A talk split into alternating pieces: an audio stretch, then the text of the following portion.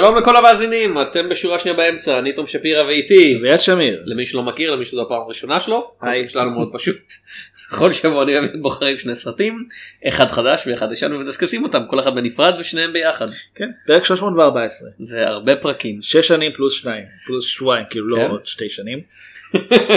אה, אפשר למצוא פרקים דרך דף הפייסבוק שלנו חפשו שורה שנייה באמצע אנחנו מעלים בכל יום חמישי בשעות הצהריים סלש אחר הצהריים פרק חדש כן. ותעשו לנו לייק אה, share ושייר גם אפשר. כן.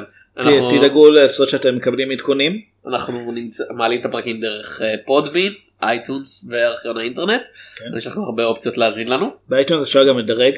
בהחלט רק כן. דירוגים גבוהים כן התקלקל להם הקטע של מתחת לארבע זה לא לא קיים. אה, ואם אתם יודעים מה השטויות שלנו אנחנו נמצאים בעוד כל מיני מקומות לדוגמה לאביעד יש בלוג יש לי בלוג שנקרא בשביל הזהב. גם הוא בפייסבוק. אה, אותו דבר כאילו like share subscribe הדברים האלה subscribe אין בפייסבוק. ו- לי יש דף בפייסבוק כן. בשם תום שפירא בעברית שמרכז את כל הפעולות השונות שלי אה, כתיבה באינטרנט כתיבה בעיתונים אם, אם אני מעלה משהו במקום אחר זה יופיע שם. אינסטגרם לא תודה לאל. אם כי אני בטוויטר ב at תום שפס. גם זה משהו. אה, אביעד יש לנו אזהרה קבועה בכל פרק. האזהרה היא שיהיו פה ספוילרים לשני הסרטים שאנחנו מדברים עליהם. אה, יש סיכוי שבגלל האופי של הסרט הראשון יש סיכוי שנדבר גם על סרטים אחרים של אותו במאי אבל אה, סיכוי די גבוה הייתי כן. אומר. מידת אפשר כמעט הס- להגיד שזה יקום סינמטי. נזהיר אם יהיה עוד אם יהיה ספוילרים גם לעוד סרט שלו. אה, אכן אז נעבור לסרט הראשון של השבוע אנחנו הולכים לדבר על I'm Rick Dalton. It's my pleasure, Mr. Schwartz. Call me Marvin. Put it there. That your son? No, it's my stunt double, Cliff Booth. Last night we watched a Rick Dalton double feature. All the shooting.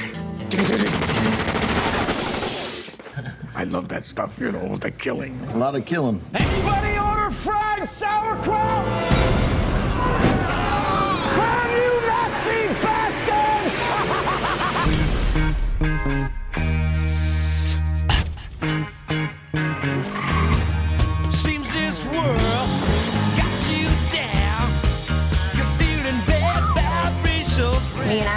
No, I'm a stuntman.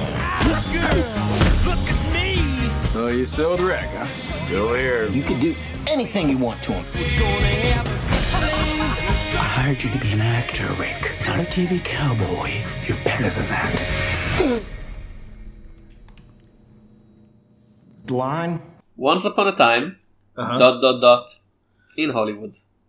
Once upon לא, a זה time. כאילו, זה ככה פעם ככה הזקנים היו אומרים כאילו, שיקה. יש פוסטרים בשני הצורות יש גם once upon a time in דוט דוט דוט הוליווד. אנחנו על היו זמנים בהוליווד. כן סרטו של אחד קווינטין טרנטינו. כן. סרטו התשיעי של. קווינטין טרנטינו. תשיעי למניין כי לא. סופרים את הראשון שהוא חצי הושמד ומתייחסים לקיל ביל כסרט אחד ולא שני חלקים. ולארבעה חדרים.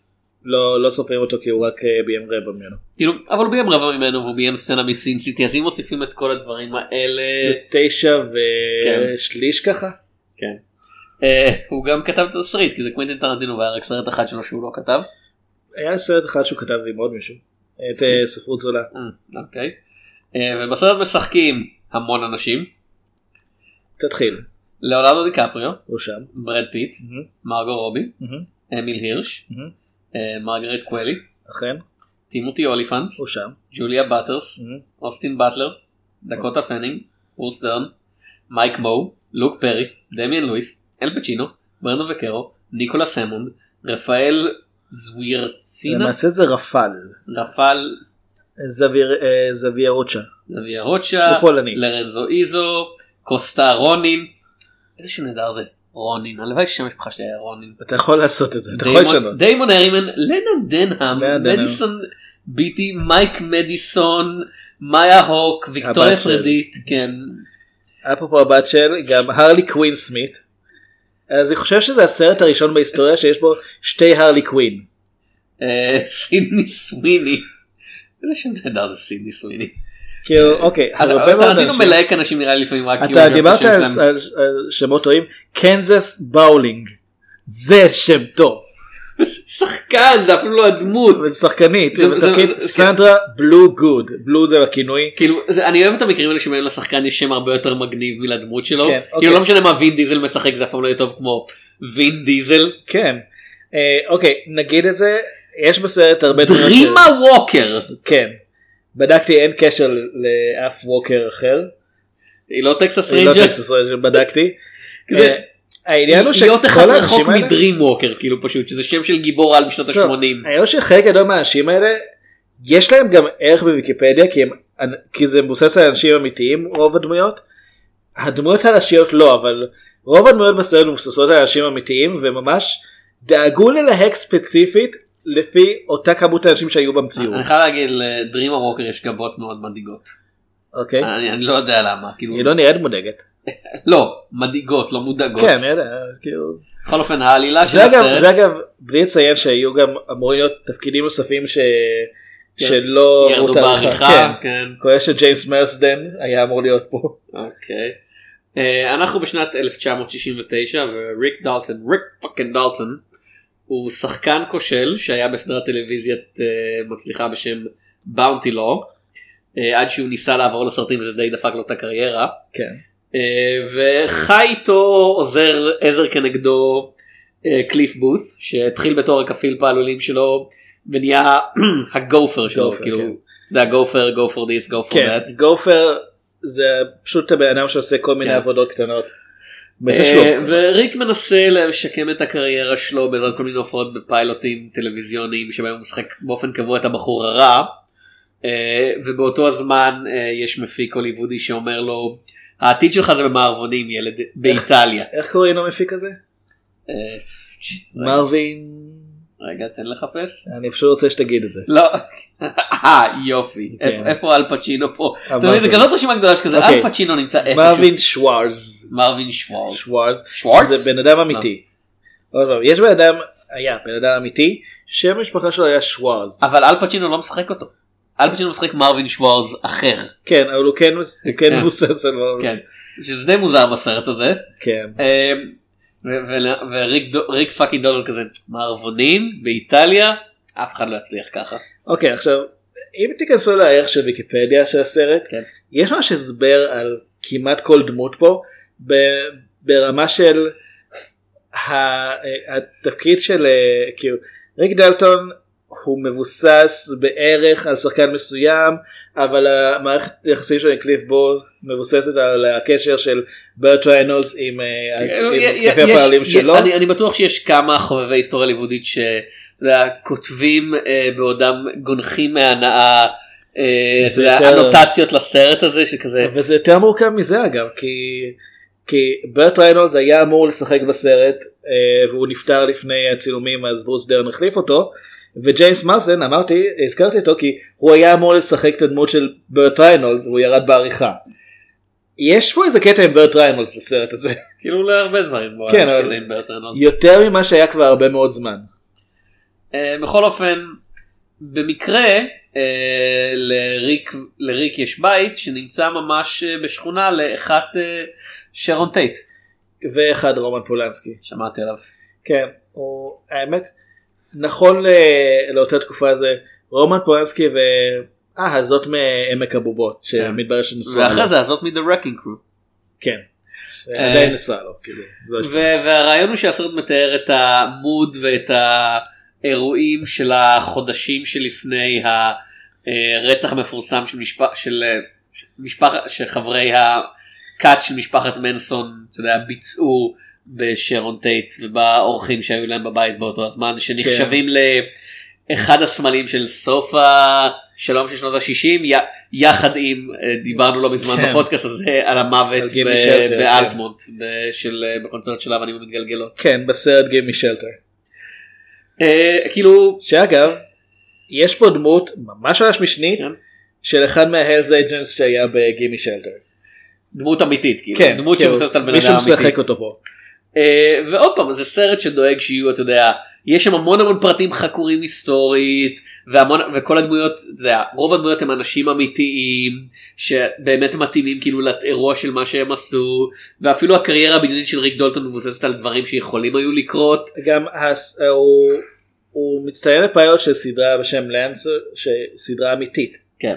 אה, אתה יודע אנחנו רואים את המגזין מד המזויף שצחק על הקריירה שלו שזה משהו ממש. שהיה בוודאי היה קורה בשנות ה-60. ממש ממש השקיעו בפרטים פה. אני, אני, יש לפחות אה, חבר אחד של הפודקאסט שאני בטוח שאם הוא, לא יודע אם הוא יראה את הסרט אבל הפרט הזה יגרום לו הנאה אינסופית. אני יכול לחשוב על עוד מישהו גם.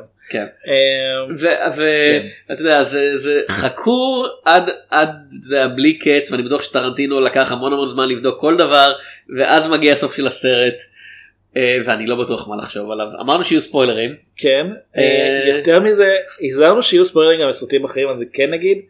אני כן רוצה לציין משהו לגבי הסוף של ממזרים חסרי כבוד. כן. אה, אוקיי, אני לא אכנס לגמרי לפרטים שם, אבל בעיקרון, לא, מכיוון שאנחנו בטרנטינו ורס, כן אה, הגישה המקובלת היא שכל הסרטים של טרנטינו שמתרחשים אה, אחרי שנות ה... משנות ה-40 ואילך בעצם מושפעים ישירות מהסוף של ממזרים חסרי כבוד. אה, שבגלל הסוף שלו שהוא מתרחש באולם קולנוע נעשתה הרעיון שהעולם נעשה הרבה יותר אובס- אובססיבי לקשר בין סרטים ואלימות וזה מתבטא גם, בסרט, גם בסרטים של טרנטינו הכתב כמו רוצחים מלידה שיאמר לזכותו שהתסריט מאוד שונה ממה שהוא כתב זאת אומרת סטון די, די הרס אותו. אוליבר סטון הרס סרט אבל כן. זה אף פעם לא מדהים, קורה אה? חוץ מבכל סרט שהוא אי פעם עשה. רומן על אמת גם כן אה, בעצם מתרחש סליחה? באותו יקום. אוליבר סטון כתב את קונן. הוא עשה עבודה די טובה שם. אני מניח כי זה כי לא, הבמאי כתב- של קונן הרס לו את כן. את התסריט. התסריט המקורי של אוליבר סטון הס- הסרט קונאן הגיבור הברברי התרחש בעתיד פוסט אפוקליפטי. הוא גם כתב אקספרס של חצות שהוא לא רע.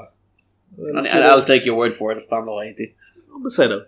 אה, אז בכל אופן היו זמנים בהוליווד מתרחש בעולם הזה שבו בעצם הסוף של ממזרים חסרי כבוד די די יצר עולם מקביל. כאילו זאת תיאוריה אנחנו לא רואים שום. לא טרנטינו עכשיו מודה בזה. בסדר אבל זה לא. טוב אנחנו, אנחנו לא יכולים לרקוד סביב זה כי, כי זה לא, לא, יהפוך לא, לא, לדיבור לא. אנחנו דיבר אמרנו שנדבר ושיהיו ספוילרים גם לממזרים חסרי כבוד. אה, בסוף של ממזרים חסרי כבוד אה, מלחמת העולם השנייה נגמרת הרבה יותר מוקדם כי הממזרים הטיטולריים ביחד עם כמה חברי מחתרת צרפתיים שעבדו במקביל להם בלי לדעת שהם שם הורגים את היטלר ואת כל הפיקוד הגרמני העליון ב-1941 או 42 שתיים או שלוש לדעתי. כן אז כאילו. אה, וזה וזה לגמרי הגיוני כשאתה מסתכל על אה, היו זמנים בהוליווד על ההבדל מה שהיה במציאות כי בעצם בשלב מסוים מדברים פה על זה שהטלוויזיה מציגה סדרות הרבה יותר אלימות ממה שבמציאות ויש גם אחד מהסרטים שריק דלטון ניסה לעשות סרט שבו הוא שורף נאצים. אולי זה אגב מתייחס לסרט- ל-12 כן, הנועזים. כן אז סביר להניח שזה מתייחס אבל כן, כי זה טרנטינו כל כן. דבר מתייחס למשהו אחר. אה, ומה שקורה בסוף אתה יודע flamethrower שמופיע במערכה הראשונה מה, שקורה בסוף של uh, הסרט הזה a time in Hollywood זה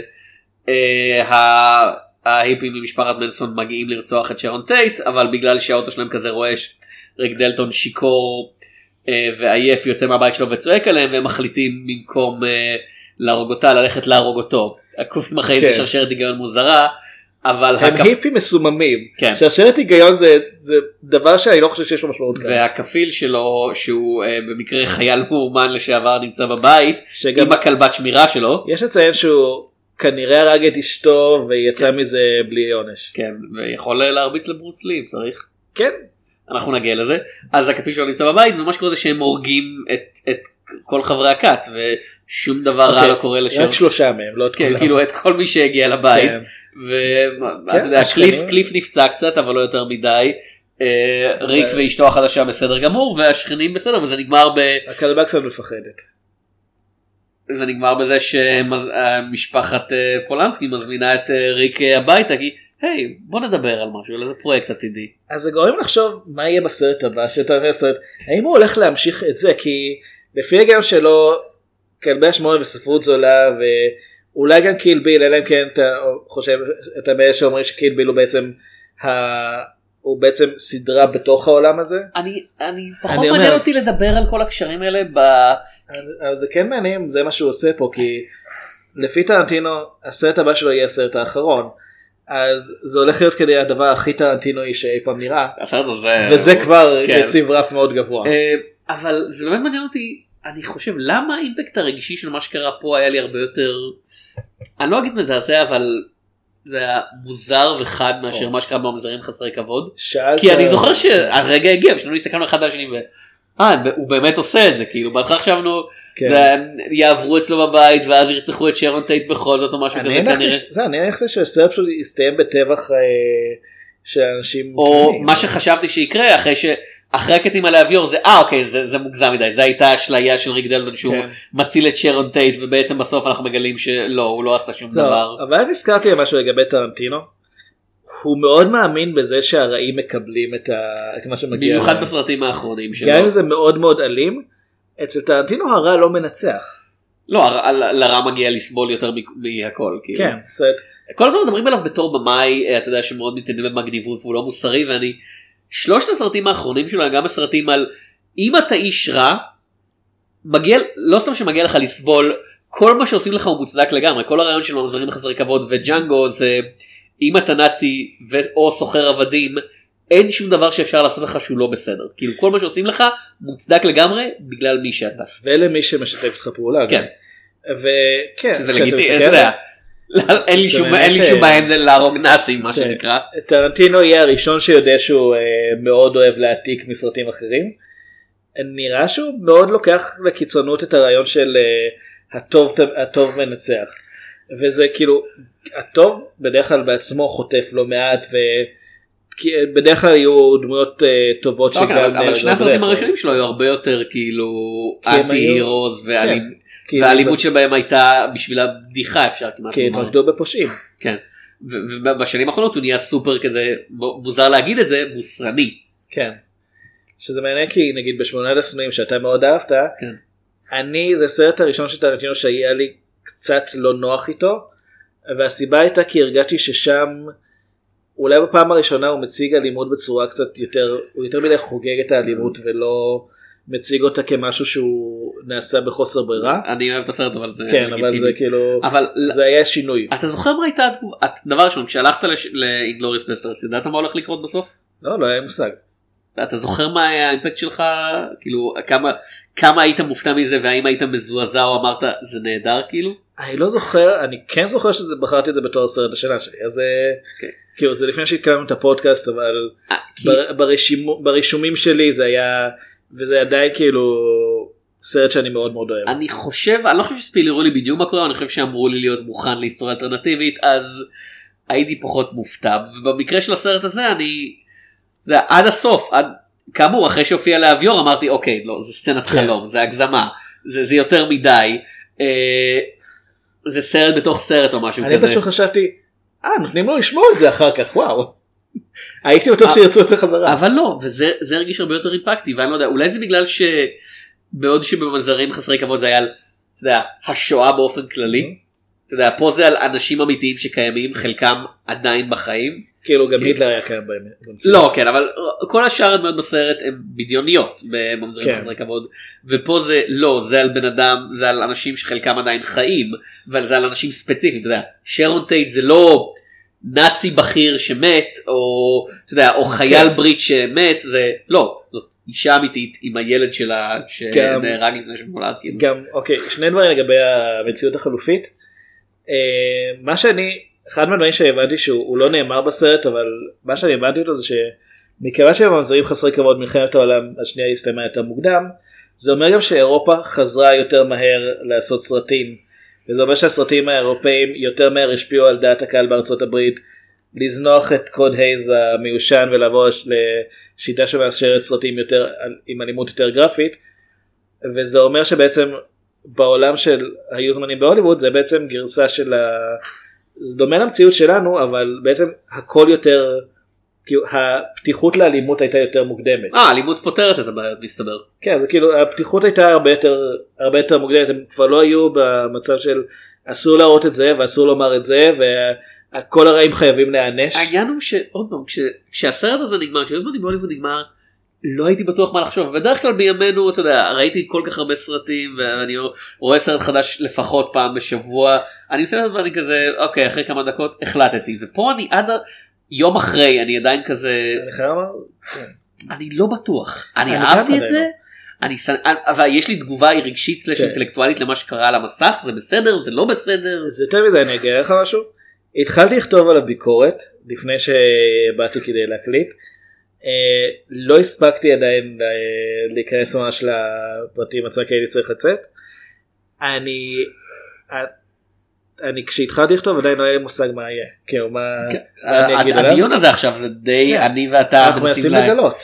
לגלות וכן אני כן מרגיש יותר ויותר שאני דווקא אוהב את מה שהוא עשה למרות שזה באמת גורם לאי נוחות מסוימת. ל- נגיד העובדה שרומן פולנסקי בסרט הזה אתה יודע he's a cool dude אבל זה העניין בסרט הזה רון פולנסקי ושרון טייט נשארו נשואים וכנראה נולד להם ילד ומה שלא היה בהמשך כנראה שדברים כאילו, רומן היו פולנסקי שונים. בגד בה בכל מקרה אז כן, אני אומר- אתה אתה לא יכול אני לדעת אומר כנראה שדברים אה, בכל אופן התרחשו אחרת ו... את, אה, כי הוא, הוא אנס קטינה כמה שנים אחרי הרצח של כן. שרון טייט ויש הרבה שטוענים שבעצם הגורם לזה היה אה, במידה מסוימת הוא היה אה, כאילו משהו בטראומה גרם לו באמת לאבד כבר את הפרופורציות לגמרי אולי זה נכון אולי זה לא זה ניתוח של בן אדם שלא מוכן לדבר על זה ונמלט מהחוק כבר כן. איזה 40 שנה כן. אה, אבל זה כן זה כן יוצר אה, רעיון מעניין שבעולם הזה הם, הם נשארו ביחד ולצורך העניין גם ריק דלטון יצר איתם אה, קשר וסביר להניח שהוא דרך זה יצר עוד קשרים אה, עם אנשים בהוליווד כי הוא אחרי הרצח רומן פולנסקי המשיך לעבוד בהוליווד הוא עשה את כן. צ'יינאטאון. בהחלט. שנחשב אה, לאחד הסרטים היותר טובים של שנות ה-70. בין בלי קשר למה שחושבים על הבמאי שלו. וזה בעצם אנחנו מדברים פה על מצב שבו אולי הוא נשאר בהוליווד ולך תדע איך זה השפיע על הקריירה של ריק דלטון ואיך זה השפיע על הקריירה של אחרים. אבל זה מסוג הדברים אתה יודע מסוג הדיבורים על הסרט שהם נורא נהנים, אני חושב שהם קצת נהנים יותר מדי לאתגר של טרנטינו של כזה תעשו צ'ארטינג של כל ההתייחסויות שאני עושה פה ואני כזה אבל זה, זה, זה דרך לא טובה לבקר סרטים לטעמי פשוט לעשות רשימה של התייחסויות. מצד שני אני חושב שיש פה עקיצה מאוד רצינית אה, כלפי רומן פולנסקי. אה, סצנה שבה אה, שבה קליף הוא אוסף את אחת מההיפיות מהכת של מנסון והיא מציעה מציעה לרדת לו בזמן שהוא נוהג והוא אומר בת כמה את בעצם והוא הוא מסרב כי זה פחות עניין של לזה ש... זה פחות עניין מוסרי וזה יותר עניין של הוא, כבר הסתבך עם החוק בעבר. כן לא אבל אני אומר זה נראה כמו עקיצה כלפי אבל פולנסקי. רגע אתה לא יכול לדעת מה, אני- מה, אני מה פה זה ככה. לא אבל אתה לא יכול לדעת מה פה עקיצה והתייחסות ומה פה זה סתם כזה כי טרנטינו עד כמה שיש לסרטים שלו כאמור מנוף מאוד מסרני אני מרגיש שהוא באמת הוא כמו אחים כהן כזה סתם כותב אותם כי זה מה שאני רוצה לראות. אני חושב שלדעתי אין אצלו אין אצלו ניתוח, לא כן אבל אני אומר אין לו אני לא חושב שטרנטינו מנתח את עצמו כאילו. אני חושב שהוא רק שהוא מנתח את עצמו לפני אני- שהוא מס- מסיים אני את לא הסרט. לדוגמה, אה, כל הסצנה עם זה ברוס לא. בטוח שהוא מגיע למסקנה כן, הנכונה. לא, כן, כל הסצנה עם ברוס לי.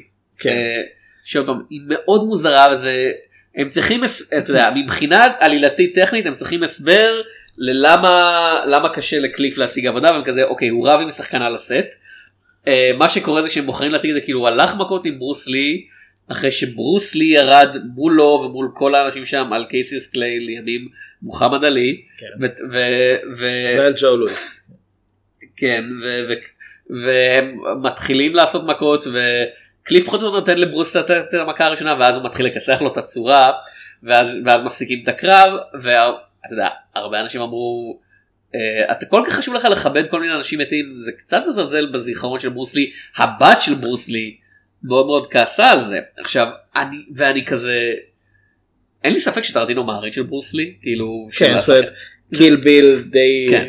די מבוסס. על לא ברוס כן. ו- ואני כזה מה המטרה של להראות את ברוס לי לא סתם. מילא רברבן שזה אתה יודע זה היה תדמית שהוא עטה על עצמו זה מילא אבל רברבן שלא יכול לגבה את זה כאילו וש...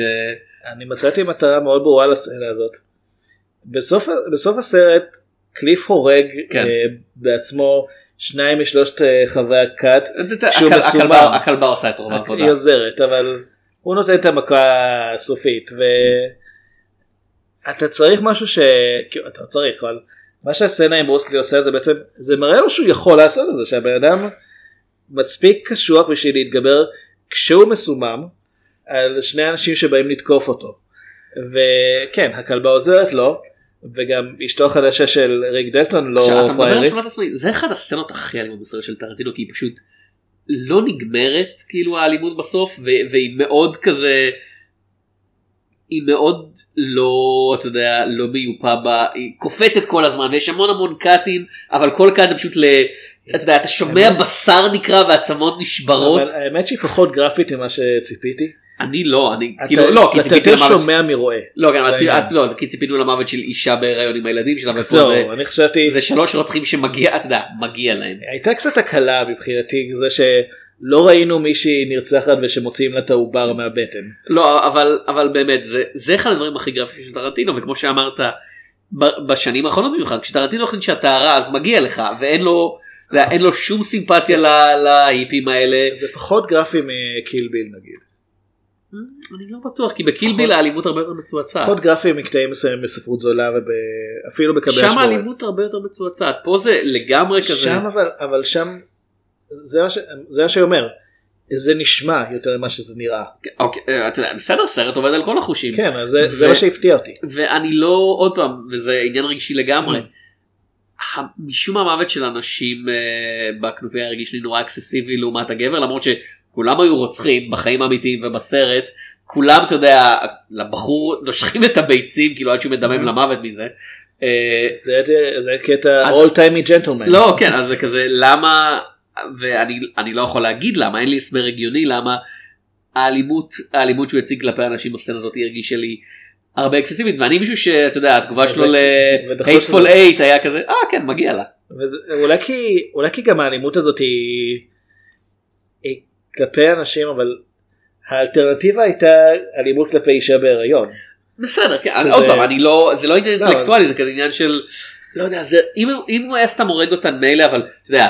הוא, הוא מכה אותם וממשיך להכות אותם והוא עושה קראם סטאמפ למישהי בשם השם כן. ואחרת אתה יודע, נחתכת ננשכת מועפת דרך החלון ואז נשרפת בחיים בזמן שהיא בבריכה וזה, וזה כל כך אתה יודע, זה כל כך רספוטין סטייל. אני בעיקר לא הבנתי איך המים נדלקים אבל אה, אולי יש לך הרבה אלכוהול.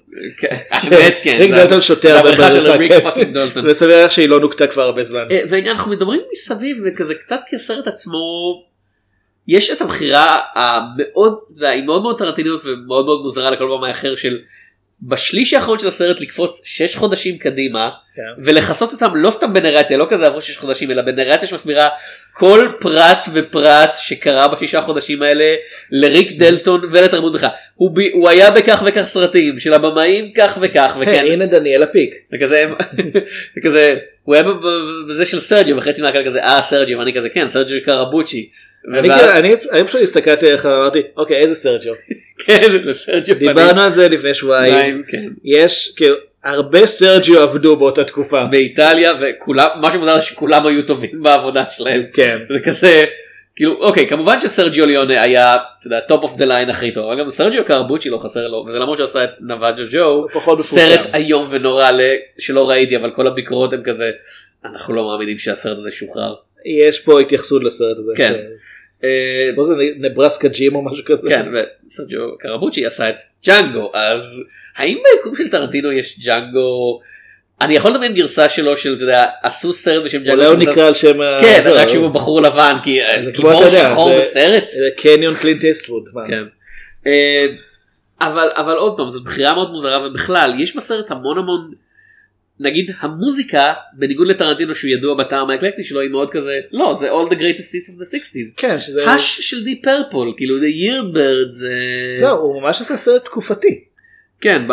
לא כמו ג'אנגו ג'אנגו לא מעצורים נגיד הוא סרט שהוא מתרחש בתקופה מסוימת אבל המוזיקה היא דווקא מאוד מודרנית. מאוד מהיום.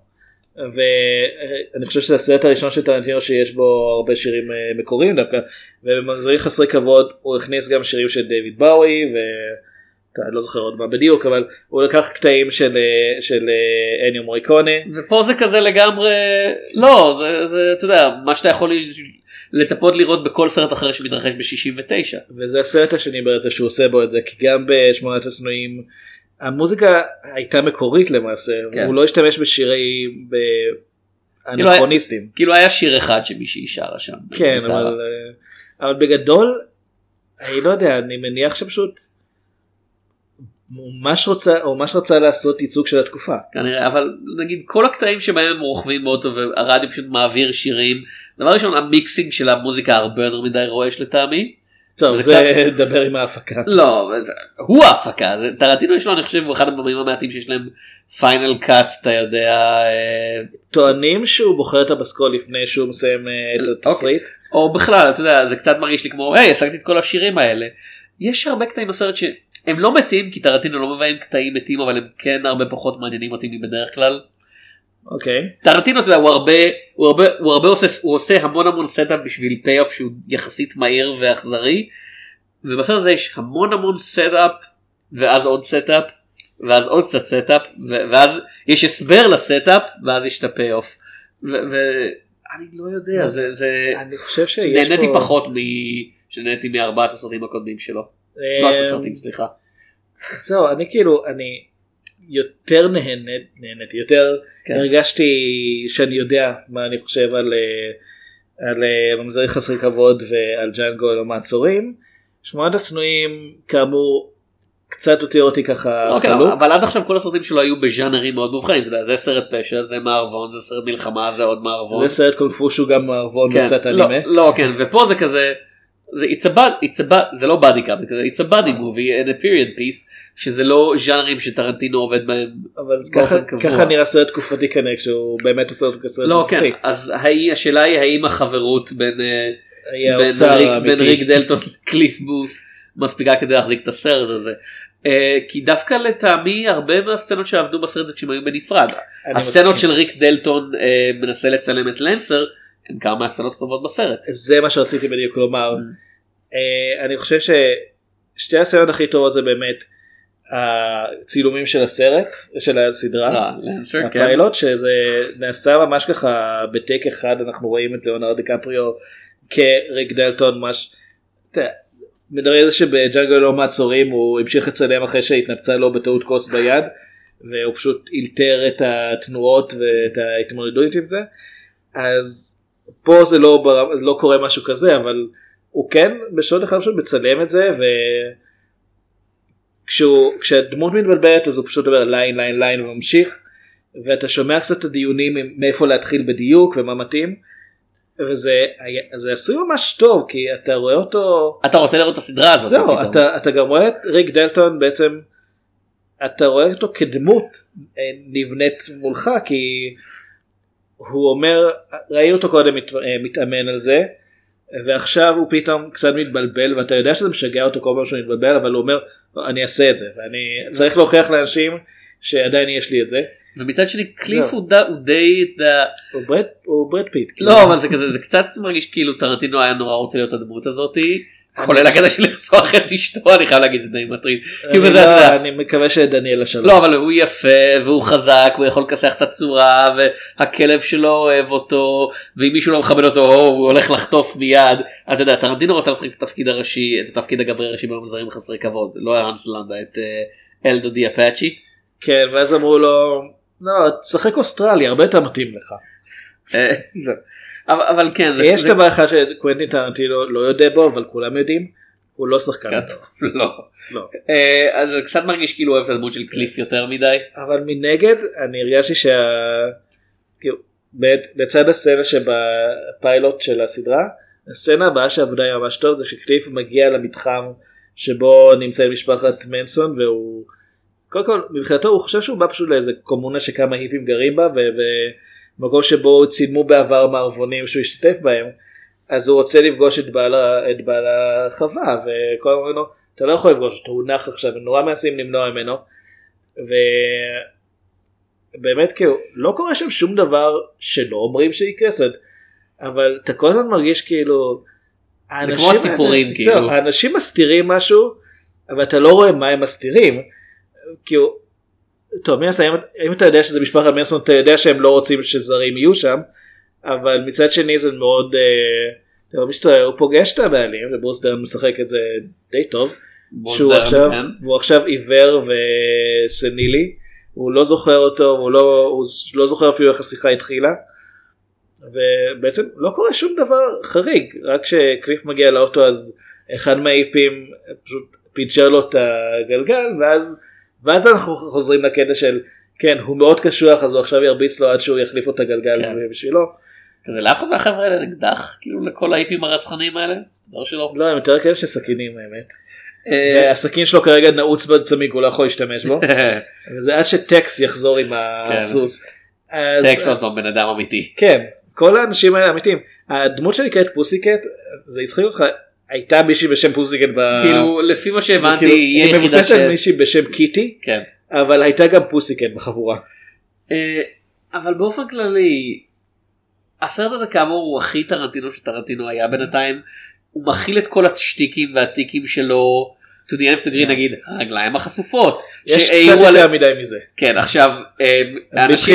אנשים אמרו לי שזה דבר של ככה היפים באמת התהלכו בשנות ב-69. היום אנשים עושים. לא כן אבל ספציפית זה היה האופנה בקרב היפים אז זה מוצדק שהם שם אבל אתה יודע איך שהוא ממקד אותם במצלמה שלו זה החלטה של טרנטינו. כן. הבחירה לעשות את הסרט על התקופה הזאת איך שהם הונעה חלקית מרגליים ואתה יודע בסדר אם זה סתם היה קטע של פטיש של טרנטינו whatever אבל זה פשוט זה in your face בכמה סצנות תרתי משמע. כן. או באופן כללי היחס שלו לנשים שהוא תמיד היה מצד אחד הוא כותב תפקידים מאוד בשרני- בשרניים לנשים מצד שני זה, אתה תמיד מרגיש משהו כזה מתחת לפני השטח הרעיון של עוד פעם זה סרט על שאחד הדמויות המשניות זו זה במאי שבורח עד היום מהצדק בעקבות אה, אונס קטינה. דמות ש... מאוד מאוד משנית. כן לא אבל בסדר העלילה סובבת אתה יודע, מופיע לרגע. בסדר אבל הוא חלק מה... הוא מטיל צל על העלילה בעצם הקיום כן. שלו ריק דלטון מאוד רוצה לעבוד איתו ויש לך דמות משנית יש לך דמות ראשית בסרט שהוא בחור שאשתו מתה כן. הדבר, הדבר, בנסיבות אה, מחשידות. הדבר היחיד שאנחנו רואים מהסצנה הזאת זה פלשבק שלו ל...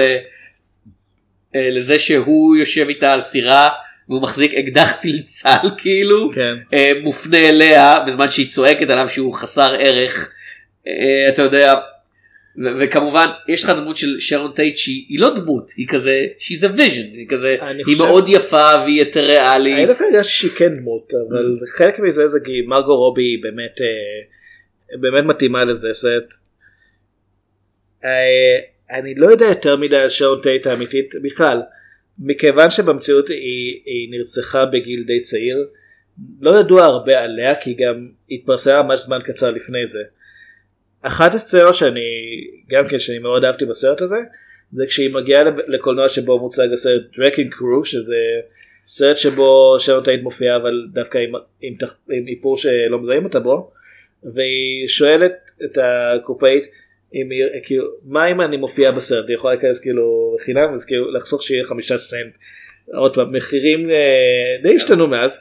אה, ואז הקופאית פונה למנהל הקולנוע והיא אומרת לו זאת הבחורה מעמק הבובות הוא שואל אה פטי דיוק? לא השנייה זאת שהייתה בסרט? לא זאת שהייתה זאת שמידרדרת לסרטים אה, מאוד כן, טרנטינואי, כן כן. אבל אני ראיתי את עמק הבובות במקרה לא מזמן זה די מתאר את ה... זה די מתאר את התחושה של צפייה ב... בסרט של "אה, אוקיי פטי דיוק די השחקנית הראשית פה ויש את ההיא שהייתה בקארוסל ואני כאילו לא ראיתי את קארוסל כאילו חושב שהייתה בקארוסל לא בטוח אה, וכאילו היא מפורסמת בגלל משהו אחר בכלל ו... אה שרן טייט שזה מה שקורה לדמות שלה ו... אז זה סצנה שאני כן אהבתי כי אתה יודע, בן אדם שמנהל קולנוע מנסה להיזכר מי היא מהשחקניות והוא, והיא רק האפשרות השלישית שהוא חושב עליה. שאני חושב שזה מאוד זה כן מראה את ה... את מה ששרון טייט באמת שהיא הייתה כאילו היא הייתה ממש בהתחלה היא לא לא הגיעה לשום מקום אני, אני חושב שעליתי כן. סליחה אבל פשוט החייכנות שלה והאופטימיות שלה כל הזמן זה שהיא דווקא מחבבת את ההיפים באמת היא נחמדה לכולם כל הזמן. זה נראה כאילו זה כל הזמן בונה לכמה טרגי זה יהיה כשהיא תרצח. ואז כשהיא לא נרצחת יש לה סוג של הקלה. כן. כאילו, לא הגיע לה. כן, כאילו לא- לאף אחד לא הגיע מה שקרה כן. לא, אבל הסרט ממש מציג אותה כמישהי ש... אולי לא הייתה שחקנית כזאת אה, גדולה, אבל ממש אה, כאילו... נוכחות. כן, זה ממש... החיים שלה לא היו בכיוון הזה בשום צורה. אוקיי, אני חושב שבזמן הדיבור עליתי על הקטע, על הקטע. טרנטינו מאוד מאוד אוהב רגעים, כאילו הוא מאוד מאוד אוהב לכתוב, אתה יודע, את הסצנות, אתה יודע, ומה שהוא צריך, אני חושב, זה משהו שימקד אותו באינגלוריאס פסר, יש כזה בוא ננסה להרוג את היטלר, בג'אנגו יש בוא ננסה לחלץ את, אה, אהובת ליבי, כן. בשמונה בוא- יש את בוא. נהרוג את ביל. כן, כן, בשמונה הסנועים, בוא נפתור את התעלומה הזאתי. כן. פה המיקוד שלו זה, זה אפילו לא הרציחות של מנסון זה שנו, סוף שנות ה-60 זה גדול מדי ובגלל זה הוא כל כך והוא רוצה לגעת ולעשות כל כך הרבה דברים שאני חושב שהבעיה שלי בסרט הזה שהוא קצת נאבד ה- המק- הידידות בין קליף ל... לריק אמורה להיות המיקוד אבל כאמור הם נפרדים די הרבה ודווקא הסצנות הכי טובות הם לא ביחד. אז אני חושב שזאת הבעיה של הסרט. הוא כל כך אתה יודע הוא כל כך רבתני הוא כזה אני רוצה להציג את זה ולהציג את זה ולדבר על זה ולהזכיר את זה ולהתייחס לזה. שתדעו שלא פספסתי את זה מה פתאום? אני יודע מי היה בסרט הזה בתקופה הזאת ואיך הוא היה קשור לתוכנית טלוויזיה. טרנטינו רוצה להראות שהוא קרא את הכל ויודע הכל והוא קצת נאבד. תראה, כשאני חושב על זה זה די זה די מאפיין כל מערכת יחסים בין שני גברים ש... שמופיע בסרטים של טרנטינו. חוץ מכלבי אשמורת בכלבי אשמורת אה, הקשר בין אה, מיסטר ווייט מיסטר אורנג' הוא הרבה יותר אה, הוא הרבה יותר רגשי בסרטים אחרים של טרנטינו. כי אם אתה חושב נגיד על וינס וג'ולס בספרות זולה הם כאילו הם, הם לא חברים הם קולגות ואם נגיד אנחנו חושבים על אה, בג'אנגו ג'אנגו ודוקטור אה, שולץ? כן. דוקטור שולץ. אה, גם כן הם לא חברים הם ג'אנגו עובד בשבילו תמורת אה, תמורת עזרה במשהו. אה, וזה וגם בשמונת הסמלים אף אחד שם הוא לא חבר של האחרים הם פשוט אנשים שנמצאים ביחד באותו מקום. אז פה זה נראה שבאמת טרנטינו ניסה ליצור אה, רעיון של חברות שהיא מעבר לממד המקצועי וזה לא שזה לא עובד כמו שזה בעצם בסופו של דבר זה לא באמת כזה משמעותי לעלילה. כאילו אוקיי הסוף מוצדק אבל לצורך העניין גם אם קליף סתם היה עובד בבית של, של, של ריק זה היה עובד. זאת אומרת, זה לא שהוא זה לא שהוא הגן על, על ריק ועל אשתו כי הוא כל כך אוהב אותה והוא הקריב את עצמו משהו פשוט הוא במקרה היה שם. כן. אה, ובסופו של דבר גם הסרט נסגר בזה ש... שריק יוצר קשר עם, אה, עם שרון טייט ועם החברים שלה שם שזה אתה יודע, קליף בינתיים בבית חולים הוא נלקח והוא אומר אל תבוא לבקר אותי אה, אה, תתמקד בלהיות עם אשתך עכשיו וזה וכל הרעיון שזה היה אמור להיות הערב האחרון שלהם כחברים. ש... לא יודע, קונספט קצת מוזר כי לא, אתם הוא עדיין לא- יכולים לשמור קשר. לא אבל הוא לא לא יכול- כן. להרשות בסדר אז זה אומר. שריק יצטרך למצוא עבודה אחרת. כן, אני אומר, הוא לא אה, יעבוד עבורו, אה, אבל הם עדיין יכולים להיפגש ולשתות נגד ביחד. אבל החברות שלהם מלכתחילה הייתה מבוססת על מערכת יחסים לא שווה בין מעסיק למועסק. זהו, אז התחושה שלי שבעצם אה, ריק חושב שהם חברים, קליף יודע שהם לא. זו התחושה שלי, כי מבחינת קליף, הוא פשוט, הוא נחמד אליו כי, כי, הוא, כי הוא מרוויח מזה כסף, אף אחד לא מוכן להעסיק אותו, אלא אם כן ריק מתעקש על זה. אתה חושב שהסרט באמת מרגיש לך כאילו מסכם משהו על סוף שנות ה-60 תחילת שנות ה-70? אני לא יותר זה מרגיש כאילו מנסה כן. לעשות איזה הצהרת תזה גדולה אבל מעבר לעוד פעם כן. להצביע על כל מיני דברים ולהגיד זה וזה וזה וזה וזה וזה אני לא יותר מדי אה, יודע על שנות ה-60 כאילו כדי להצהיר על דברים כאלה באמת אבל זה קצת גורם לחשוב נגיד על The Nice Guys סרט שאנחנו אוהבים כן. להזכיר אותו אה, שהוא בעצם די מראה את סוף שנות ה-70 על ידי שהוא אומר אבל הכל בעצם כל ה... כל הדיסקו והמסיבות והמאבקים לזכויות אדם וזכויות האישה כל זה בסופו של דבר זה בולשיט, העולם חסרי משמעות, ה- העולם ממשיך לנוע, העסקים מנצחים. כן, אבל יותר מכך הבעיה היא שטרנטינו רוצה להצהיר את זה הצהרה לסוף שנות ה-60 אבל כמו שאמרת זה כבר בתוך המציאות החלופית ההיסטורית שהוא יצר שבה כן. זה לא אותם שנות ה-60. כן, אז אני חושב ש... זה סופה של תקופה אבל זה לא התקופה שאתה מכיר בכל מקרה זה די חסרת משמעות. אז אני לא יודע אם הוא רצה עוד סוף של תקופה או שהוא רצה להציל את התקופה הזאת.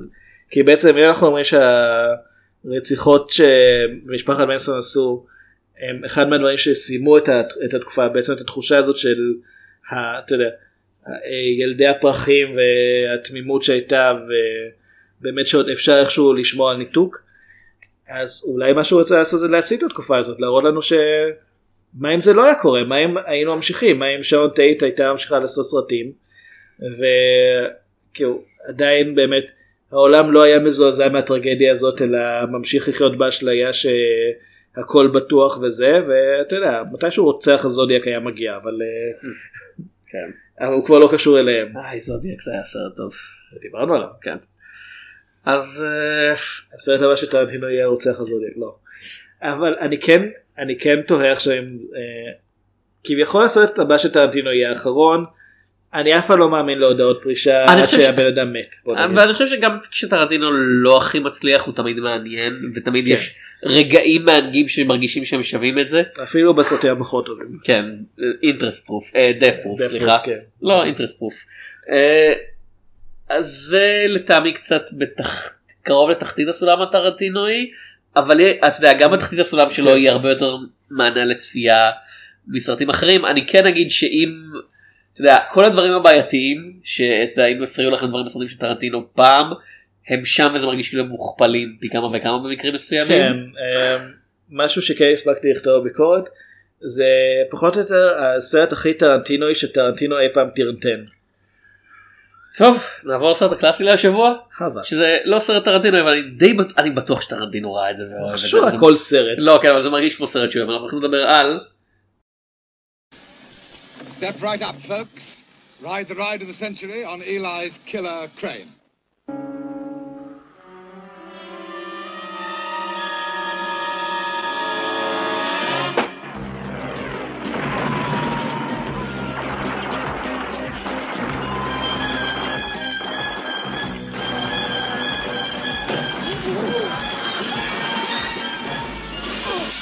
The Stuntman. A man on the run. The woman who had to know why. Who the hell are you? And the director who offered him a hiding place. You should be a stuntman who is an actor, who is a character in a movie, who is an enemy soldier, who look for you amongst all those. The Stuntman. The Stuntman, אה, איש הפעלולים, הפעלולן. הפעלולן, כן, נלחם בבטמן ב-65, לא, לא באמת. אה, סרטו של ריצ'רד ראש, אם אתם אומרים מי זה. התשובה היא הבמאי של The Stuntman. התשובה היא בדיוק. לא, כן. אה, הבמאי מועמד האוסקר אה, על סטנט. כן, כאילו באמת הס- הוא עשה כמה וכמה סרטים Stuntman זה הסרט האחד שלו שאיכשהו תפס בתודעה ציבורית. אה, אחרי Stuntman שעוד פעם היה מועמד לאוסקר בקהל כמה דברים? שלוש ארבע? הוא היה מועמד בימוי תסריט ושחקן. כן. לקח לו עשור לעשות עוד סרט אחרי זה. אחרי ההצלחה הכי גדולה שלו. ומה יהיה הסרט הבא שלו? אה, הוא כתב את Air America לא ביים אפילו רק כתב את Air America. מה הבא שהוא ביים? אה, סרט תיעודי על The Making of Stuntman ב-2000. לא, היה את זה גם. אה נכון, color of the night. כן, קומ- אה, מותחן אירוטי עם ברוס וויליס זה ג'יין מארץ'. וג'יין מארץ' כי כשאני חושב מותחן אירוטי אני חושב הקומיקאית ג'יין מארץ'? לא, זה לא היא. לא? לא, פשוט חשבת על ג'יין לינץ'. אה אוקיי סליחה. אבל בוא נגיד, צבע הלילה זה... זה לא הסרט שאתה רוצה שיסכם את, את הפילמוגרפיה שלך. לא היית רוצה שזה יהיה משהו כמו The Stuntman אני מניח. כאילו מעטים, מעטים הבמאים בעולם שהסרט הראשון שהם מביימים אחרי שהיו מועמדים לאוסקר הוא מו- מועמד לרזי. זה לא קורה הרבה. זה, זה קורה פה ושם אבל זה לא הרבה. בכל אופן אה, הוא כתב אה, את התסריט יחד עם אה, לורנס מרקוס על פי הספר The Stuntman של אה, פול ברודור. האם קראת אותו? אה, לא לא קראתי את זה ומה שמוזר שפול ברודור הוא לא כותב בידיון טכנית הוא ידוע בעיקר בתור כותב מדעי כאילו הערך שלו בוויקיפדיה מתחיל באיך שהוא כתב במשך עשרות שנים על ההשפעות המסוכנות של אסבסטוס בשנות ה-60. אוקיי. הוא זה מה צדק. שהוא ידוע כאילו הוא צדק. כאילו זה מה שהוא ידוע בשבילו הוא אתה יודע הוא כותב בעיקר מאמרים ו- וספרי non-fiction ואז הוא כתב ספר אחד. תראה, גם- גם מטען הכאב מבוסס על מאמר בפלייבוי. אגב הסרט יצא ב-1980 הספר מ-1970 מדברים על סופים של תקופות כאילו כן. כל אחד מהם מסכם תקופה אחרת לגמרי. Uh, בסרט משחקים uh, פיטר אוטול ואנשים שהם לא פיטר אוטול. ברברה הרשי די מפורסמת. די, כן. סטיב ריילסבק כן, בתור השחקן. הראשי בסרט. אני לא חושב שראיתי אותו בשום דבר אחר. אה, בוא נראה. כאילו לך תדע הוא יכול להיות. דבר ראשון הוא נראה די טוב לגילו הוא בן 73. התמונה מ-2010. אוקיי בסדר התמונה עדיין די מחמיאה לו. אה, הוא שיחק את צ'ארלס מנסון בגרסת בגרסה של אה, המיני סדרה של Helter הכל Skelter. מתחבר. הכל מתחבר וואו וואו כשאני חושב על זה הוא באמת הוא קצת דומה. לא אבל זה נהדר איזה צירוף מקרים מושלם כאילו, הכל. הכל עובד. אה, כן. הוא הופיע בהמון המון סרטים אבל בעיקר אתה יודע, זי- הוא הופיע ב Lifeforce כאילו מדברים על זבלונים כאילו. מה הדבר האחרון שהוא עשה? סתם ככה מתוך אה, סקרנות? אה, דקר. דקר טיווי שואו כן. זה זה באמת נשמע כמו לנסר זה זה אפילו נשמע קצת כמו לנסר כאילו לא עד כדי כך. הוא היה בפרק אחד של סדרת טלוויזיה בשם דקר כן כן. אוקיי. ולפני זה לא הרבה. ניאו נד? King of the Lost World. זה כאילו? אה, אוקיי. הוא היה בדבלס ריג'קס סרט שמאוד אהבתי. הוא היה ב-The Hitcher 2. כן. I've been waiting. בלי קרדיט. כן. אז אתה יודע הוא מופיע כנראה בעיקר בסרטים של אנשים שמאוד אהבו את ההופעה הזאת שלו ב... The Stuntman. כן. אני לא התלהבתי ממנו פה. אה, העלילה של הסרט. yep. כן. יש אה, בחור אחד שבורח מהחוק.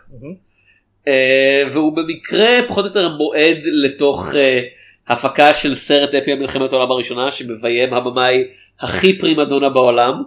אה, פיטר אוטול בתפקיד אה, דיוויד לין פחות או יותר. אנחנו אסור לנו לומר שזה דיוויד דין. בתפקיד לוי דין. לוי דין. לוי כן, דין. לוי דין, כן, הבמאי הישראלי הנודע.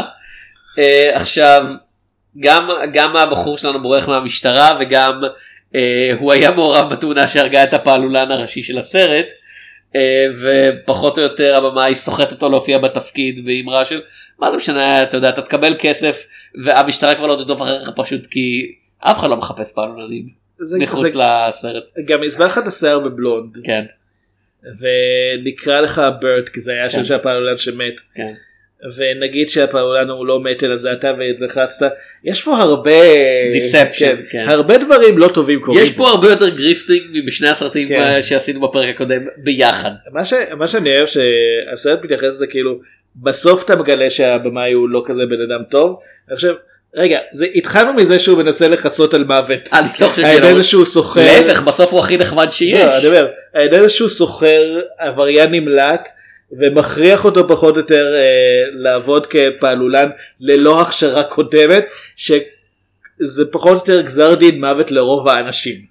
כן והסרט ממשיך אז בעיקר לשורה של מוד פיסס שמערבבים את אה, את הניסיון של הנווד אה, לשרוד את ההפקה ולהתחמק מהחוק.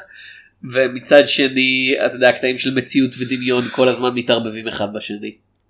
כן כאילו מציאות של הסרט כן. ודמיון של הסרט כאילו זה לא אנחנו לא נכנסים פה האמת למימדים אני נוספים. מאוד אהבתי את הסוף אני מאוד אהבתי את הסוף שבו אחרי שהם השלימו כן אחרי שהם השלימו את הפעלול הגדול הזה והם די אתה יודע they got away with it כאילו גם השלימו את הסרט גם הוא הצליח להתחמק עם הפשע שלו. כאילו, הרגיש המשת- לי- אני מניח שזה מכוון הרגיש לי נורא הוליוודי. לא אבל ו- והם מתחילים להתווכח על כמה מגיע לו לפעלול הזה שכמעט הרג את החיים שלו אתה יודע הוא אומר הוא אומר אלף דולר והבמאי אומר 650 דולר והבמאי פחות או יותר עף וכזה fuck you כאילו אני לא אשלם לך אלף דולר וכזה על כל הדבר הגדול הזה אתה יודע על כל ההכרזות הג... של של הדמות של פיטר אוטול כזה אני הולך לדבר על מלחמה ושלום ועל הנפש האנושית ואני הולך לרפא אותך בעזרת הפקת הסרט שלי אתה יודע בסופו של דבר he's another bean counter הוא כזה לא לא אין לי כסף בשבילך יש לי כסף בשבילי. אוקיי. אה, אני חושב שדבר אחד שהסרט הזה עושה ממש טוב זה להסביר לנו מה פעלולנים עושים. כי אוקיי.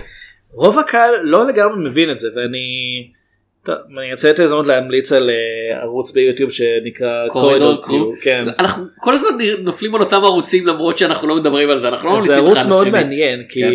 מי שמפעילים אותו הם בעיקרון אנשים שעובדים על אפקטים ממוחשבים אה, בט- בטלוויזיה ובסרטים אבל מדי פעם הם- הם עושים סרטוני ריאקט לקטעים אה, סרטים ואומרים אם זה נראה טוב אם נראה לא טוב ומדי פעם מארחים מתאם פעלולנים שהוא חבר שלהם ועשו כבר שלושה סרטונים איתו אני חושב וזה די מרתק לשמוע אותו מסביר פשוט מנתח מה הם עושים ובעצם להבין שקודם כל הרבה ממה שפעלונים עושים זה אלתור כי הם צריכים להגיב לכל שינוי שיכול לקרות פה והסרט מציג את זה. אה, יש, יש סצנה שבה ממש קמרון העבריין הנמלט. הוא, צר, הוא צריך ליפול כביכול ממרזב דרך, אה, דרך גג של בורדל ולנחות במיטה ששני אנשים בדיוק נמצאים בה והוא לא באמת יודע מה עומד לקרות אבל הוא פשוט אתה קופץ ויורד דרך הגג והוא לא יודע מה יהיה מה יהיה כשהוא יגיע לשם. ורק אחר כך הוא מגלה נגיד ששני אנשים במיטה הם בעצם גם פעלולנים בעצמם ושהתפקיד שלהם זה לוודא שהוא נופל טוב.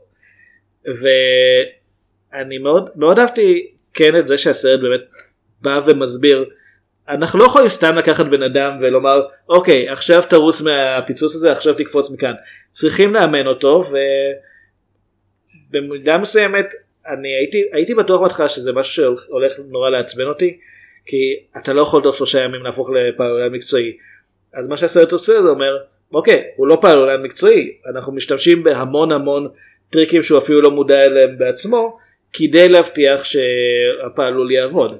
והבמאי סוחר אותו פחות או יותר בתור שחקן ראשי בלי להגיד לו. אנחנו לא רואים את כמעט את ה...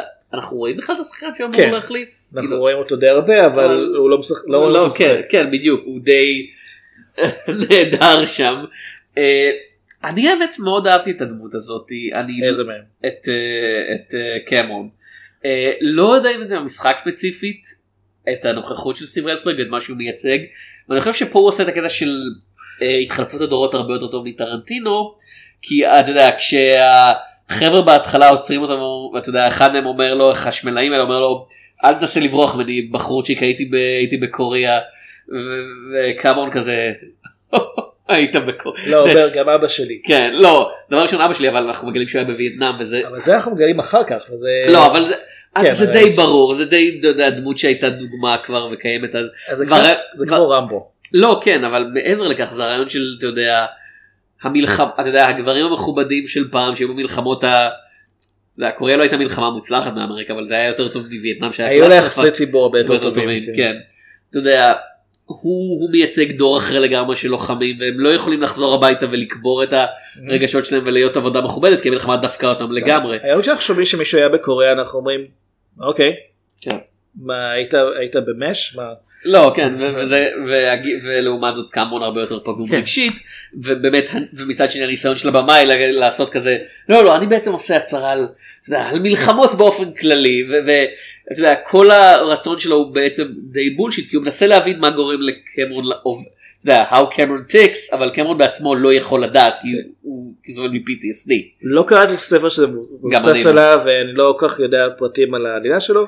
אני מניח ב- הרבה אסבסט. די בטוח שנעשו שינויים כי אחד מהדברים שה... שהבמאי אילי אומר זה שהוא מנסה לעשות סרט אנטי מלחמתי בתקופה שאין בה מלחמה. כן. והספר נכתב בזמן מלחמת וייטנאם. אז זה כנראה משהו שהשתנה. אה, וזה הוא אומר משהו מעניין ש... הרבה- מותר לך לעשות סרט אנטי מלחמתי רק אחרי שהמלחמה נגמרה. כשהמסר בעצם כבר חסר משמעות כי מה תעשה תזהיר אנשים לא להתגייס זה לא יעבוד. לא יש את הקטע שהוא כן. מעיר שאנשים אתה יודע חבר שלו עשה סרט אנטי מלחמתי דגול ואחרי שהקרינו את זה אחוזי הגיוס עלו ב-600 אחוז כן. וב Jarhead גם בספר וגם בסרט דיברו על זה שחיילים אף פעם לא רואים סרט אנטי מלחמתי בתור סרט אנטי מלחמתי הם פשוט רואים היי סצנות אקשן. כמה כיף בצבא. כן. כאילו לא הייתי אומר את כאילו, זה הייתי יש בצבא. אה, דיברנו אה, די מזמן כבר על אה, במערב אין כל חדש. כן. ששם אחד יש סצנה שבה הדמות הראשית חייל שכבר היה בשדה הקרב חוזר לעיירה שהוא היה בו מבקשים ממנו לספר לתלמידים איך זה בקרב וברגע שהוא מנסה לומר להם כמה זה נורא משתיקים אותו כי אומרים אנחנו לא אנחנו לא רוצים שהילדים ידעו שרע שם, אנחנו רוצים שהם יתגייסו. כן, הסיבה שבחרנו, בחר, הצעת, אני חושב, אני הצעתי את סאנטמן? כן, בדקת, בדקת, עשית חיפוש ומצאת. לא, זה אפילו לא קפץ לי כזה, בזמן של חיפוש של דברים אחרים זה קפץ לי לראש. אני כן הכרתי את השם כן. של הסרט, לא ראיתי אותו לפני זה. זה מעבר לעובדה שזה סרט על סרט שכבר עשינו, עשינו כמה וכמה כאלה.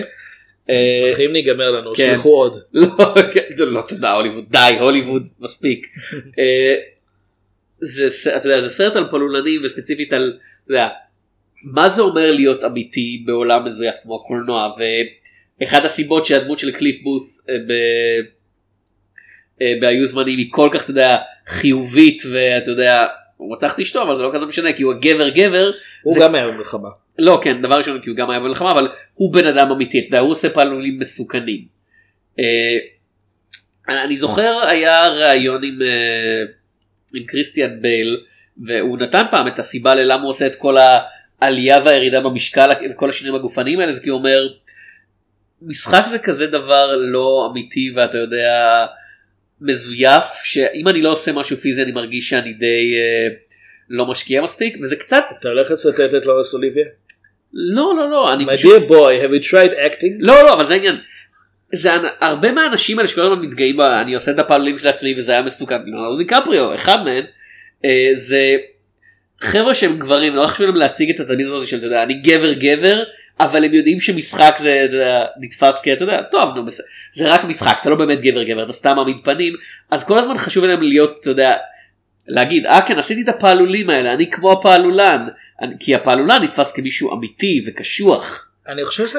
אני חושב ובאופן אירוני את חושב- הפעלולן אנחנו לא מכירים ואת השחקן כן. זהו, אני חושב שהרבה, כאילו, את הפעלולן גם מנסים שהוא יראה כן. כמה שיותר דומה לשחקן. כן. אה, אבל נגיד תום קרוז, לדעתי זה בהחלט אה, הגיוני שבגיל 50 משהו עדיין מתעקש לעשות את הפעלולים הכי מסוכנים בעצמו. אבל אני גם לא יודע כי הוא- לתום. קרוז אני מניח יש גם כמה פעלולנים לא נראה לי שהוא עושה הוא לא משתמש בהם כל כך. אני לא יודע זה באחד הסרטונים שהיו בקורידור קרו אמרו שכאילו מתאר הפעלולים אמר שממה שהוא יודע תום קרוז בוחר את ה...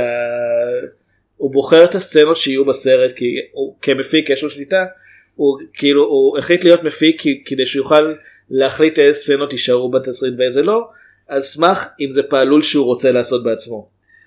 אבל אה, דבר ראשון הוא מקרה נדיר ודבר שני חשוב לזכור הוא שולט ביחסי הציבור של עצמו בקטע הזה הסיבה שאנחנו כל הזמן מדברים על זה מעבר לעובדה שזה זה נראה מגניב בקולנוע הזה כי תום קרוז גורם לנו לדבר על זה והשחקנים האלה יוצרים לעצמם תדמית של.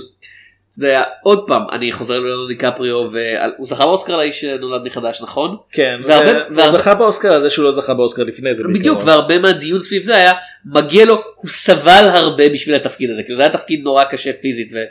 כאילו, אבל זה לא האוסקר זה גם- לא על מי סובל הכי הרבה. גם 80% מזה זה היה CGI. זה- לא הוא אבל אתה יודע הוא באמת הוא היה... לא באמת זחל בשלג. לא הוא זחל בשלג. יש לידו, היה לידו מישהו שישר בא. ו- אני לא יודע הם אומרים ומעיל. זה לא משנה זה גם. לא סוס אמיתי, זה לא משנה זה נקרא. אוסקר על משחק לא על סבל אתה יודע. במקרה הזה אני בטוח שכל אה, כל הסרטים התיעודיים האלה על השואה צריך לתת פרס לכל האנשים שמופיעים שם קודם כל. אני לא חושב שהם נחשבים לשחקנים. אלא אם כן אתה רוצה להיכנס לקונספירציה שאנחנו ממש לא רוצים להיכנס אליהן. לא. ממש ממש לא רוצים. לא, לא. אבל- כן אני חושב שסטנטמן עושה עבודה יותר טובה בלדבר על הדבר הזה על אתה יודע לא רק לא רק זיוף מציאות מהמם. אלא מה הזיוף הזה אומר לתחושה של גבריות מאשר טרנטינו. מצד שני עושה את זה דרך מישהו שמזייף את זה שהוא כן. פעלולן. אז זיוף של זיוף. זיוף של זיוף שהוא אמיתי באופן אירוני. הקטע של הגבריות בהחלט משחק פה תפקיד כי קמרון משרים בשלב מסוים לנהל רומן עם נינה פרנקלין השחקנית היחידה בסרט הוא לא עובר מבחן דרך לא, לא, לא לא. הסרט עצמו ולא הסרט שבתוך הסרט כן. הם, הם, מנהל- הם מנהלים ביניהם רומן ויש איזה מין קודם כל הוא, הוא יודע שהיא פעם לפני כמה שנים שכבה עם הבמאי וזה היה פעם או פעמיים וזה לא הסתדר אבל הם נשארו חברים טובים והוא מאוד מאוד קנאי כלפיה ויש איזו תחושה כאילו קמרון מרגיש כאילו בהתחלה זה נראה כאילו הוא פשוט קנאי ואז אנחנו מגלים שבעצם ניסיון העבר שלו בגלל שהוא היה במלחמה אז האישה שהבטיחה להתחתן איתו בעצם בגדל בו עם, האיש שהבטיח לתת לו אה, לה- להעסיק אותו יחד איתו.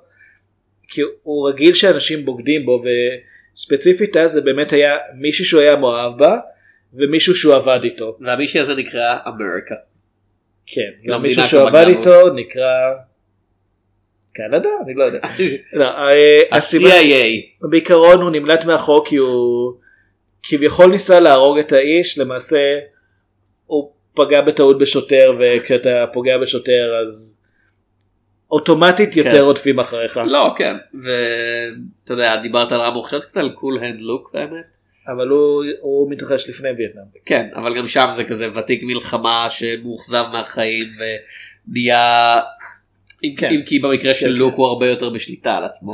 הג- הגרסה הדוגמה הכי קלאסית כנראה זה שנות חיינו הטובות ביותר שהוא ממש הספר יצא ממש אחרי מלחמת העולם השנייה והסרט שנה אחרי זה זאת אומרת זה עדיין היה מאוד טרי.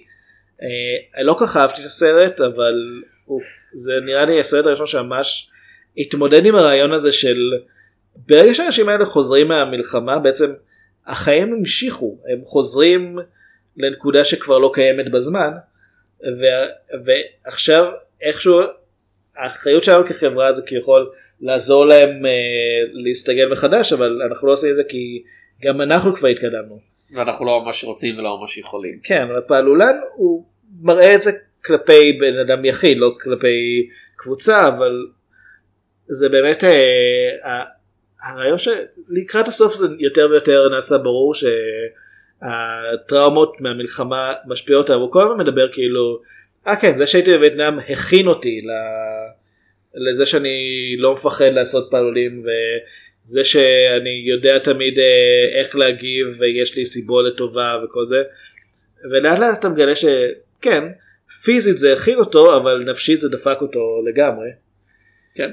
אני חושב שבגלל זה קצת הפריע לי הסוף דווקא כי אוקיי. זה כן נחמד הרעיון שהם מתווכחים על כסף זה כן טאץ' נחמד. הפריע לי שזה כאמור סוף הוליוודי אה, שאחרי שהוא רב עם אה, נינה כי מתוך קנאה אז בסוף היא רוצה לברוח איתו והיא אמורה להתחבא בתא המטען של המכונית של הפעלול אבל מתברר שהיא לא הייתה שם היא ברגע האחרון הוציא אותה משם והוא רוצה לברוח אבל אה, הוא אמור לעשות אותו פעלול שבהתחלה הרג את אה, ברט האמיתי כן. ו...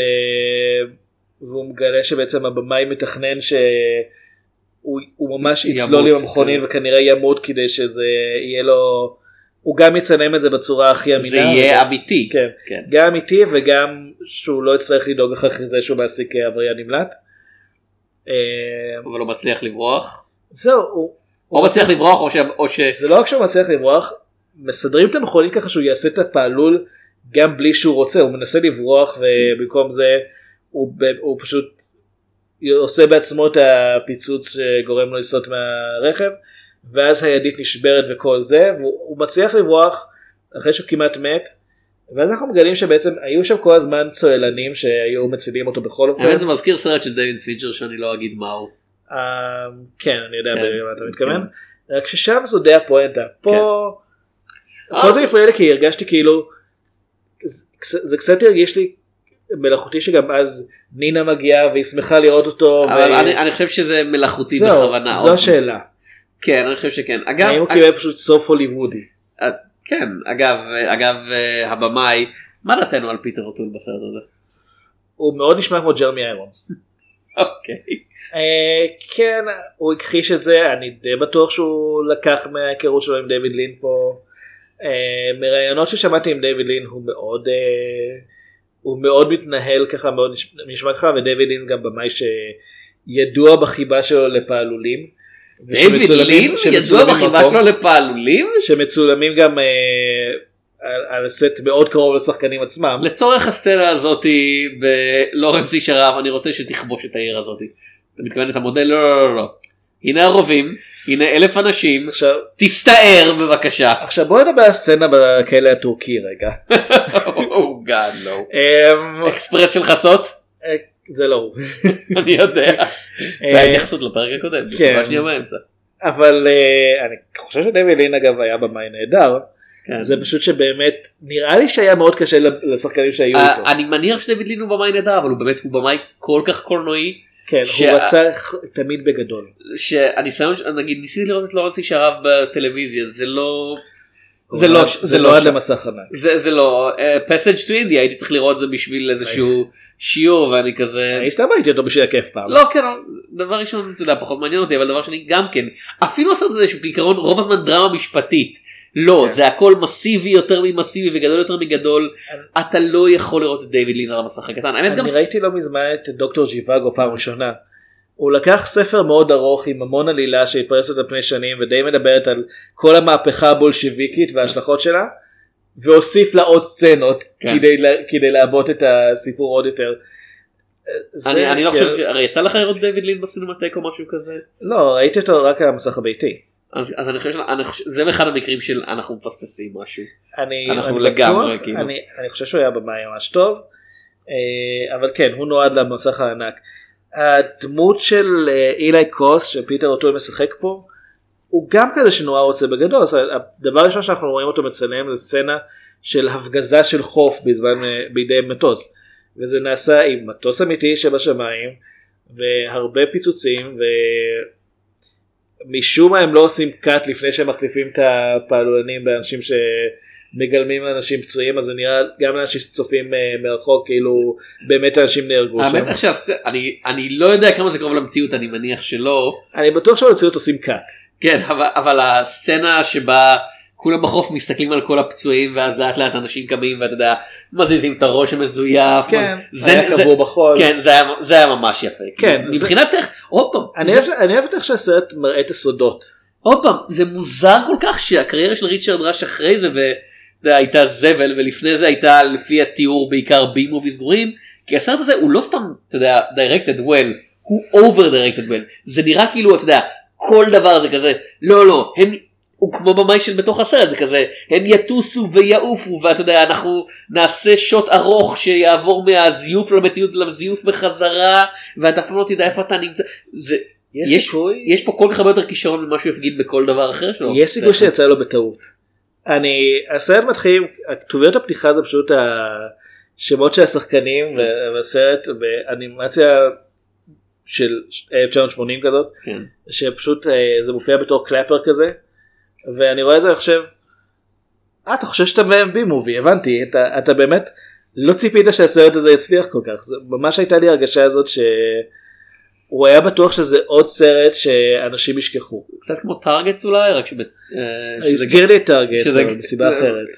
כן. Targets הוא היה ממש בתחילת הקריירה של פיטר בוגדנוביץ' שהיה אמור להיות במאי של סרטי של בי מוביז אבל אז התברר שהוא יכול לביים סרטים ממש טובים כן. וטארגטס שדיברנו עליו בעבר האמת עוד הזדמנות להמליץ עליו זה סרט ממש טוב סרט ממש טוב. שמסיבה כלשהי די נשכח. אה, ואני עוד פעם אני מאוד אוהב את סטנדמן אה, אני אני אגב אה, זה אני רוצה לראות אותו במסך הגדול איפה שאני חושב שכל הקטעים ההם שבהם העולם נסוג ונכנס טוב לסינמטק אולי הם הסכימו. אני אני כן היה קטע סרטים- אחד שמאוד אהבתי פה כן יש אילי קרוס משתמש המון במ- במנוף כן. שהוא יושב עליו כמו והוא- אלוהים כאילו deus ex בלי שום- machina. זהו, בלי שום סיבה פרקטית כן. והקטע אה, אני לא זוכר אם זה בסוף או לקראת הסוף אחרי שהם מצלמים איזה פעלול הוא פשוט יורד עם המנוף הזה מאחורי אה, קמרון וזה נראה כאילו זה פשוט זה כל כך אה, זה כל כך מציג במאי שעושה דברים שהוא לא חייב לעשות רק כי הוא יכול. אה, בכלל הבעיה של הרבה סרטים על סרטים זה שהם יודע, הם נעשים על ידי חובבי סרטים שנורא חשוב להם להראות אה כן אני מכיר את זה ואני יודע את זה ואו שהסאטירה עדינה מדי או שהיא או שהיא אתה יודע יותר מדי ממוקדת על משהו שמעניין רק קולנוענים עצמם אה, ובמקרה של סטנמן זה אתה יודע. ריצ'רד ראש אני לא חושב שהוא סינפיל הוא כזה הוא היה במאי שזה הוא עשה סרטי בי מוביס כנראה כי זאת הוא- העבודה הוא שלו. מנופיל לפי כן. הסרט הזה. ואיכשהו זה עבד לו הרבה יותר טוב משזה עבד להרבה אנשים בגלל שזה לא סתם פרודיה על קולנוע זה. זה באמת יודע, השילוב של פרודיה על קולנוע עם התחושה הזאת של אה, סוף תקופה עם מבחן של גבריות כאילו זה סרט שהוא הרבה דברים להרבה אנשים. זה עבד לו הרבה יותר טוב מלריצ'רד ראש כאילו כן. עצמו. זה אבל לא הרבה יותר טוב ממה שהיה אמור זה לגמרי נראה כמו תאונה שיצאה טוב כאילו שבטעות יצא לו סרט הרבה יותר טוב ממה שהוא עושה בדרך כלל. וכמו שאמרת לפני הקלטה הפוסטר ממש ממש יפה. נהדר הפוסטר כן, הזה כאילו, אני- אני רוצה אותו בחדר. אוקיי אני אחפש לך עותק. אוקיי. אה, אז אה, אבל אני פחות אהבתי ממה שאתה אהבת אני אני חושב שיש לסרט את הרגעים הטובים שלו. כאמור הכי אהבתי את זה שהם לא סתם מתייחסים כמובן מאליו לזה שבן אדם נהיה פעלולן אלא ממש מראים כמה זה עבודה קשה ומסוכנת וכמה אתה צריך אפילו על הפעלולן אתה צריך אה, להוסיף עוד המון גיבוי. אה, הפריע לי כל הקטע עם, ה...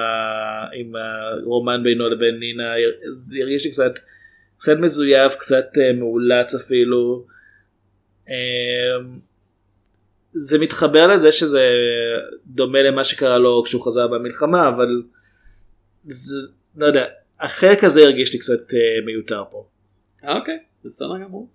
טוב אז אה, אלו היו היו הזמנים בהוליווד והפעלולה אה, שני סרטים שאנחנו ממליצים עליהם פחות או יותר אפשר להגיד. שווים צפייה. כן אנחנו עדיין מנסים להבין מה אנחנו חושבים על היוזבנים בהוליווד. כן. תחזרו אלינו עוד שנה נראה אם נחליט אז.